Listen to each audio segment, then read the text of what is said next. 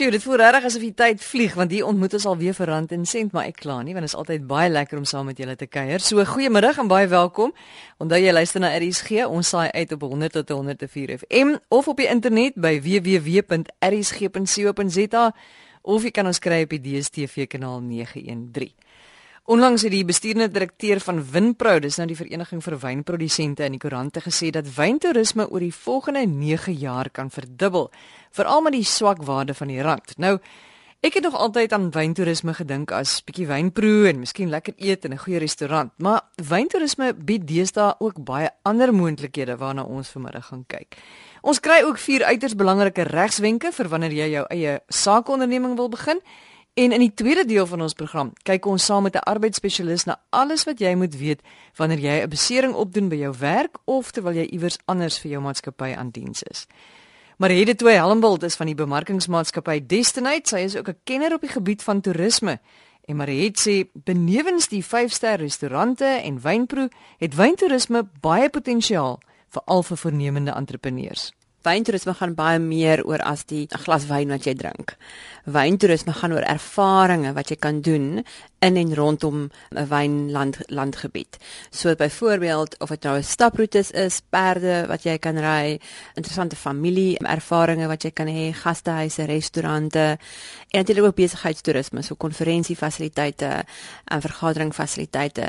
So wyntoerisme gaan oor die goeders die wyn plus. Maar dit sê die bedryf bied ook baie geleenthede vir ondernemende entrepreneurs. Toerisme as 'n industrie het 'n redelike lae, ehm, um, soos in Engels sê 'n entry level. So jy het nie verskriklik groot grade nodig nie. Ek dink aan die einde van die dag moet, jy 'n unieke produk kan aanbied en 'n unieke ervaring vir die toerist. Maar daar's baie geleenthede vir werkskepping, daar's baie geleenthede vir nuwe besigheids um, besigheidsgeleenthede. Ons sien as 'n voorbeeld byvoorbeeld dat fietsry toerisme nou groter as as golf is. So as jy 'n stukkie grond het en om 'n om 'n fietsryroete bymekaar te sit byvoorbeeld of om fietsrytoere aan te bied of om fietsse beskikbaar te stel vir toeriste. Dis een voorbeeld. En dan kos toerisme is groot internasionaal. En ons het so 'n unieke koskultuur in ons land. So of dit nou ons lekker tuisgebak is of ons baie baie fancy gourmet eet wat ons doen. Dis daai diversiteit wat vir die toerist so interessant is. So ek dink geen toerist wil net heeldag lank in 'n fancy restaurant sit en eet nie. Hulle wil eet wat ons mense eet. Hulle wil bietjie meer leer ons kultuur.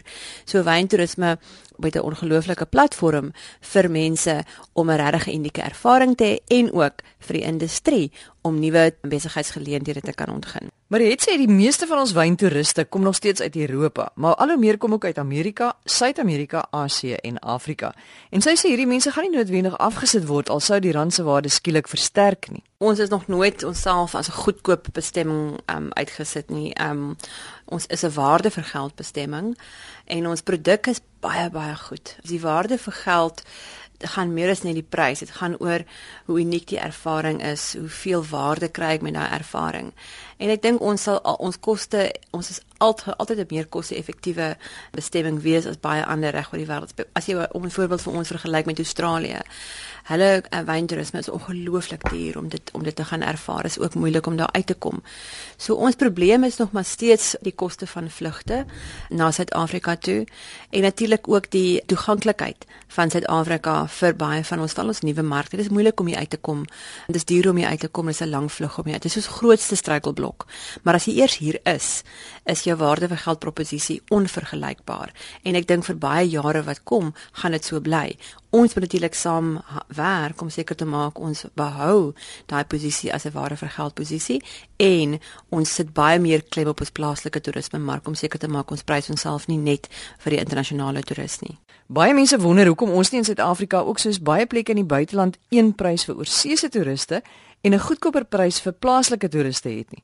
Maar het sê dit is glad nie 'n goeie idee nie. Daar's al baie navorsing hieroor gedoen. Dit het sy voordele, maar dit meer nadele as voordele dit skrik definitief die internasionale toerist af en dit laat 'n bietjie van 'n wrangsmaak in hulle mond. Hulle voel dis hulle betaal 'n bietjie van 'n premium. En dit is baie moeilik om dit te administreer en dit laat baie plek vir korrupsie en vir probleme. En natuurlik net ag ek dink om om dit te, te bestuur is is kan baie kompleks raak. So ons sê kom ons kyk eerder na spesiale aanbiedings byvoorbeeld oor die winterseisoen. Kyk na winterpromosies vir die plaaslike mark. Kyk na miskien waarde vir geld proposisie vir Suid-Afrikaanse mark. Ek dink ons moet absoluut begin belê om pakkette bymekaar te sit wat miskien spesifiek vir die plaaslike mark verkoop kan word. Daar kan mense dan 'n bietjie um, diskrimineer. Maar om dit net oor die bank te gaan kyk en sê ons het twee pryse in die mark. Daar's baie lande, byvoorbeeld Zimbabwe en ander lande wat ons gesien het dit glad nie voorgewerk het nie. En ek dink ons moet regtig waar waak daarteenoor, maar eerder kyk na meer kreatiewe maniere om die plaaslike mark te bou. En hoe doen ons dit? Ons moet gaan kyk waar is die toeriste op die oomblik? Wat stel hulle in belang? Wie is ons mark?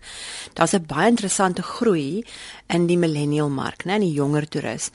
Nou anders as die backpacker van yesteryear, spandeer die millennial toerist baie meer geld op ervarings.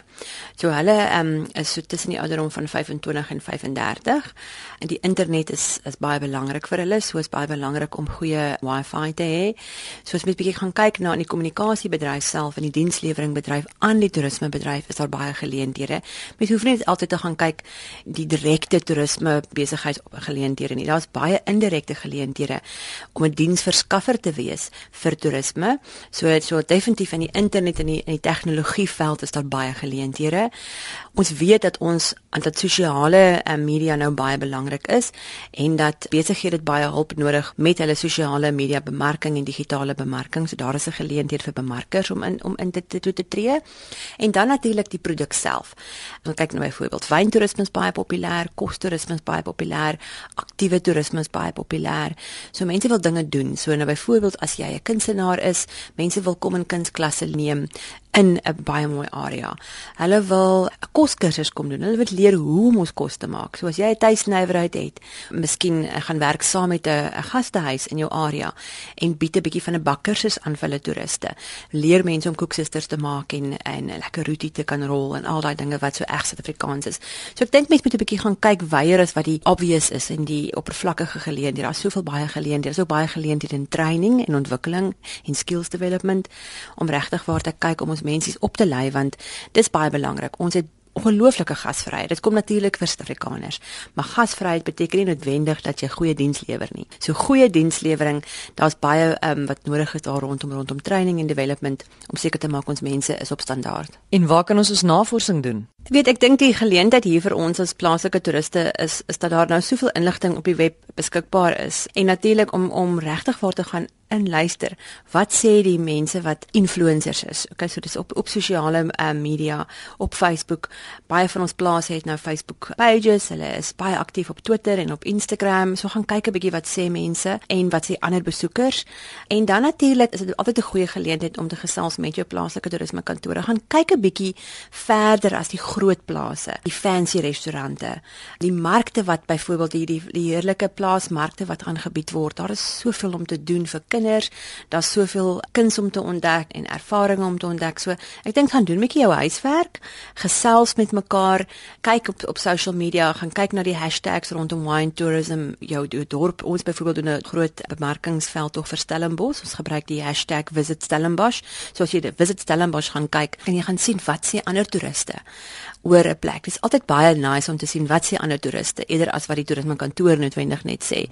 Um, en jy sal baie interessante goeders optel wat jy nie andersins sou gevind het nie. En baie keer is daai goeders nie net goedkoper nie, maar ook baie meer interessant. Nou ja, daar's 'n paar belangrike punte wat 'n mens in gedagte kan hou as jy dalk jou eie baas wil word of reeds jou eie baas is en jy wil die wêreld van wyntoerisme 'n bietjie meer ontgin. Dit was Mariet de Tooi Helmbult, sy is van Destinate, hulle is 'n bemarkingsmaatskappy. Jy luister na Rand en Sent hier op RSG. Nou daar is baie dinge wat jy moet weet wanneer jy so 'n nuwe sake onderneming wil begin. Iets wat handig te pas sal kom is 'n regskennis. Nie almal van ons het dit nie. Nicoline Skuman Lou van Skuman Law ingelyf gee gou vir ons vier regswenke wat baie belangrik is om in gedagte te hou. Die eerste punt is as as jy nie 'n regskwalifikasie of enige regservaring het nie, maak seker dat wanneer jy jou besigheid begin, dat jy genoeg fondse op sy sit sodat jy regshulp kan inwin van die begin af.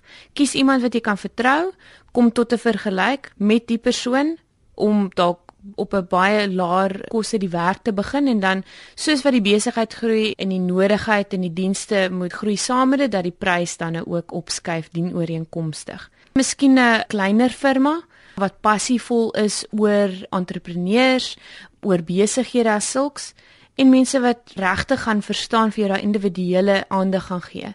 miskien nie 'n groter firma wat kliënte begin sien as leernommers of rand en sent bedra nie. So kies kies daardie persoon op 'n soortgelyke wyse soos wat jou huisdokter dalk sal kies. Iemand wat jy goed mee oor die weg kom, iemand wat eties is, iemand wat behoorlik geregistreer is by die prokureursorde, baie belangrik, iemand wat sal groei saam met jou. So myns en siens die grootste fout wat besighede maak, veral wanneer mens begin, is dat jy nie daai regshulp inwin nie. Dat jy dink dit kan nie met my gebeur nie. Nee nee, alles gaan goed gaan en ag ons is baie klein, daar's geen risiko nie. En dit vat een kliënt wat jou nie betaal op tyd nie, wat die hele glaskas uitmekaar uit laat val, soos hulle sê. Die belangrikste nadat jy regshulp ingewin het van die begin af, is om seker te maak dat jou struktuur reg is. Baie saakondernemings begin as 'n een eenman saak. Met ander woorde dat daar nie geregistreerde entiteit is vir jou besigheid nie. Daar is geen skeiding tussen die besigheid en die persoon agter die besigheid nie. So dit beteken as iets verkeerd gaan, is jou persoonlike bates op die spel. Dit kan jou jou motor en jou huis insluit en is 'n baie gevaarlike situasie om in te wees. Baie entrepreneurs is so passief oor wat hulle doen dat hulle altyd dink ons begin as 'n een eenman saak en ons sal later registreer. En daai later word mos maar later en later en later word nooit. So dis baie belangrik van die begin af registreerde entiteit in my opinie is 'n maatskappy 'n privaat maatskappy die beste entiteit. Ons het ongelukkig nie meer beslote koöperasies beskikbaar of hulle bestaan nie meer in terme van Suid-Afrikaanse reg nie. So die privaat maatskappy het al die voordele wat die beslote koöperasie gehad het, is nie meer so koste-intensief soos wat dit voorheen was voor die nuwe wet in werking getree het in 2012 nie. So van die begin af registreer jou entiteit as 'n privaat maatskappy en struktureer dit reg wanneer die struktuur in plek is, is dit belangrik om seker te maak dat basiese dokumentasie ook in plek is. Sodra jy jou maatskappy registreer, maak seker dat jy 'n uh, MOI of 'n Memorandum of Incorporation in Engels, soos jy weet dit um, voorskryf, dat mens dit laat doen deur 'n prokureur, 'n professionele persoon en dat dit geskik is vir jou besigheid, nie die standaard vorm nie. Die tweede dokument wat van die begin af baie nodig is, is om te kyk hoe jy jou kliënte gaan diens of hoe jy produkte gaan verskaf. Maak seker dat jy 'n dokument in plek het om te sê dit is my beperkings en voorwaardes waarvolgens ek dienste gaan lewer of produkte gaan lewer. Dis op hierdie basis wat jy my gaan betaal as my kliënt. Is daar deposito betaalbaar? Wat is die waarborg wat jy gaan gee vir die kwaliteit van jou diens of van jou produk wat jy lewer? Al die tipe van goed. Mens moet seker maak dat jy kyk na die kredietwet se bepalinge, na die verbruikerswet se bepalinge en seker maak van die begin af dat dit nie net daarvolgens opgestel is nie, maar ook om die kontantvloei gesond te hou. So, byvoorbeeld, as jy produkte lewer, kyk of dit enigsins moontlik is om 'n deposito te neem van die kliënt sodat die balans wat die kliënt moet betaal relatief klein is sodat jy jou risiko beperk van 'n kliënt wat dalk nie sal betaal nie of dalk nie op tyd sal betaal nie. Kyk ook dalk na 'n uh, rentekoerse wat mens kan vra vir laatbetalings of 'n fooi wat jy kan hê vir 'n laatbetaling sodat dit 'n afskrikmeganisme word vir jou kliënte om om jou nie laat te betaal nie. En laastens, van die begin af om seker te maak dat jy die nodige kontrakte in plek het vir jou werknemers. Die wet maak wel daarvoor voorsiening dat kontrakte nie verpligtend is nie, geskrewe kontrakte nie verpligtend is vir werknemers nie, want die die wet op basiese diensvoorwaardes stel basiese diensvoorwaardes daar. In my ervaring is dit beslis die beter opsie om van die begin af 'n geskrewe kontrak in te tree met jou werknemers en om ook seker te maak dat sekere riglyne van die begin af in plek stel van gedrag wat aanvaarbaar is en gedrag wat nie aanvaarbaar is nie en wat die gevolge daarvan sal wees as 'n werknemer in die tipe van onaanvaarbare gedrag sou deelneem. So dissiplinêre kode moet in plek gestel word, miskien 'n gedragskode, miskien 'n kode wat gaan oor oor rook en middagetes en dies meer. So dit is baie belangrik om van die begin af seker te maak dat mense ten minste net die basiese gedragsreëls in plek het, dat jy van die begin af 'n sterk span kan bou wat die waardes van die maatskappy sal deel en dan hulle werk daarvolgens sal verrig. Ja, dat jy 'n paar goeie regswenke as jy dalk besluit om binnekort met jou eie sakeonderneming te begin of maatskappy. Aan die woord was Nicoline Skuman Lou, sy is van Skuman Law ingelei. Ek praat met Jolandi Prinsloo, sy is 'n onafhanklike arbeidsspesialis van Y Labor. En Jolandi, bring ons asseblief net weer in die prentjie. Wat beteken hierdie fonds vir ons as werknemers? Hierdie is 'n baie baie goeie fonds wat baie goeie voordele bied aan werknemers sou hulle aan diens beseer word of 'n siekte wat werksverwant is opdoen. En dit beteken ook dat dit beskerming bied aan werkgewers, dat daar nie siviele eise teen die werkgewer ingestel kan word indien 'n werknemer aan diens beseer word nie. Wie kan almal eis van die fonds?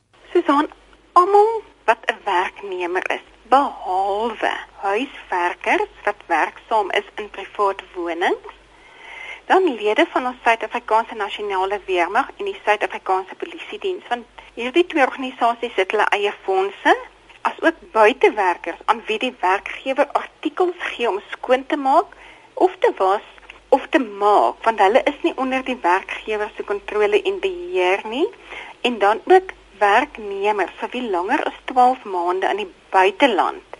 Dit wil sê buite die grense van Suid-Afrika werksaam is sal dan uitgesluit wees tensy hulle alternatiewe reëlings met die kommissaris maak. Wat van mense wat vryskut werk of tydelike werkers is? Dis dan die fonds sê alle werknemers. Met hierdie wat ek nou net genoem het, daai vier uitsluitings.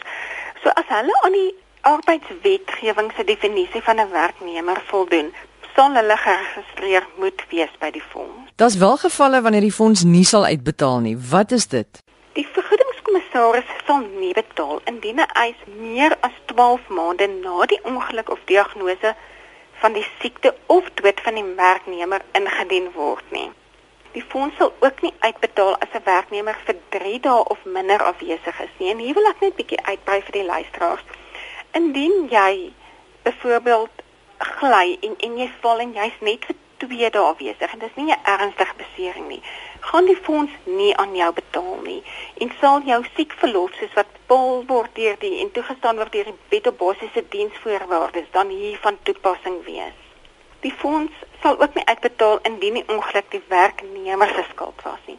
So as jy as 'n werknemer weet dit is 'n gevaarlike situasie, die trappe is onveilig of die vloere is nat en jy gaan en jy gaan loop nog steeds daar, sal die fonds nie uitbetaal nie.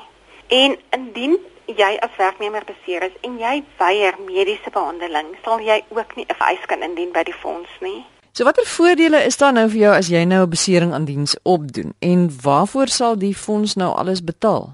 Daar's verskeie voordele. Daar's tydelike totale ongeskiktheid. Dit is waar die werknemer afwesig is vir 'n periode van langer as 3 dae en hy het 'n verlies aan inkomste het en sy salaris dan nou nie betaal word nie, dan eis hy daai salaris van die fonds terug. Dan is daar permanente ongeskiktheid waar jy glad nie verder mee kan werk nie en dit deur 'n geneesheer ongeskik verklaar word vir werk en dan is daar mediese omkoste wat deur die fonds betaal sal word. Daar's 'n sterfingsvoordeel en daar is addisionele vergoeding wat onder sekere bepalinge ook aan 'n werknemer uitbetaal sal word. Hoeveel kan jy eis as jy nou beseer is en jy kan nou vir 'n maand lank nie werk nie? Dan gaan jou salaris teen 75% van jou vergoeding aan jou uitbetaal word. Daar is ook 'n maksimum bedrag waar die betalings afgesny gaan word wat tans R20780 is. So 75% van jou salaris sal dan vir daai maand aan jou uitbetaal word. En Jolandi, hoe gaan 'n betaling dan werk as jy permanent ongeskik verklaar word as gevolg van siekte of 'n of 'n aandiensbesering? Seisoen ongeskiktheid word bereken op 'n persentasie. Indien jou ongeskiktheid deur 'n mediese geneesheer bevind word tussen 1 en 30%, dan kry jy 'n eenmalige uitbetaling. Dan word jou vergoeding bereken op 'n eenmalige bedrag wat 15 keer jou maandelikse salaris is ten tye van die ongeluk met 'n maksimum wat elke jaar aangepas word deur die minister van arbeid wat tans bereken word op 232761 rand. Dit is egter net 'n een eenmalige bedrag wat aan jou uitbetaal gaan word. Indien jou ongeskiktheid meer as 30% is, sal jy 'n maandelikse pensioen ontvang van die fonds tot en met jou afsterwe. En daai bedrag word bereken teen 75% van jou maandelikse inkomste. As jy nou seer kry maar jy's nou nie by die werk nie. Sê nou maar jy's nou by 'n 'n sportveld of iewers by 'n uitstalruimte, maar jy's daar vir jou werk en jy kry seer.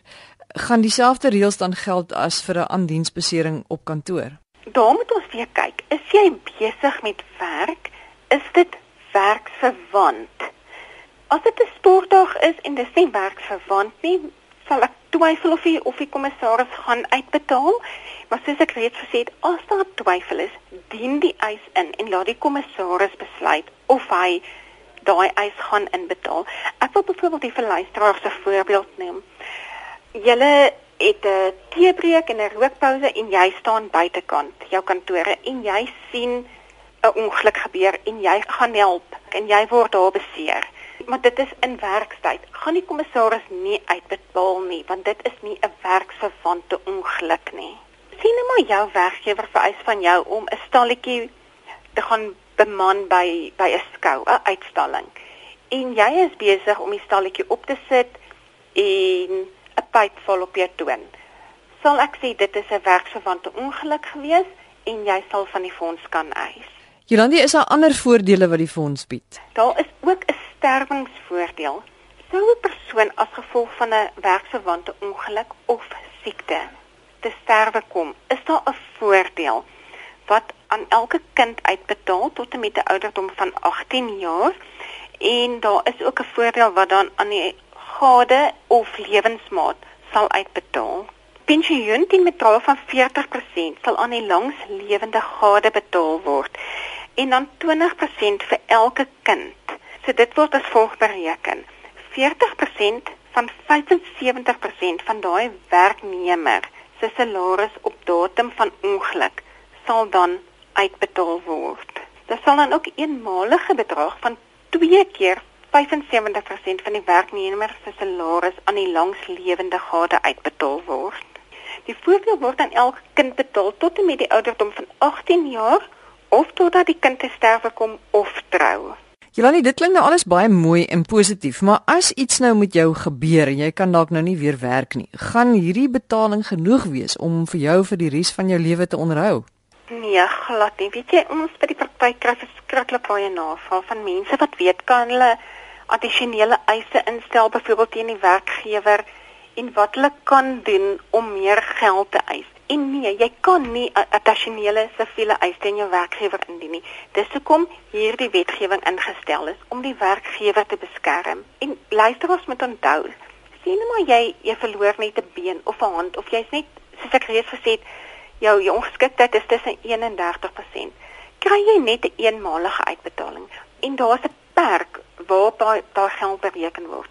Dit is baie keer nie eens genoeg om vir jou 'n jaar lank finansiëel te versorg nie. Luisteraars moet onthou dis baie baie belangrik om addisionele polisse en versekerings in plek te hê. Baie dankie Jolandi Prinsloo, sy is 'n onafhanklike arbeidsspesialis van Y Labour. As jy nou hierdie gesprek of een van ons ander gesprekke in die program gemis het en weer wil gaan luister, gaan na www.rsg.co.za. Klik op potgooi. Jy kan of luister weer of jy kan dit in MP3 formaat aflaai. En as jy van ons gaste se kontakbesonderhede soek, e-pos vir my Susan Stein by rsg.randencent@gmail.com. Dankie ook vir julle vrae en versoeke wat ingekom het. Uh, stuur gerus nog in, ons gaan by dit alles uitkom. Dankie vir die saamluister en 'n lekker week vir julle.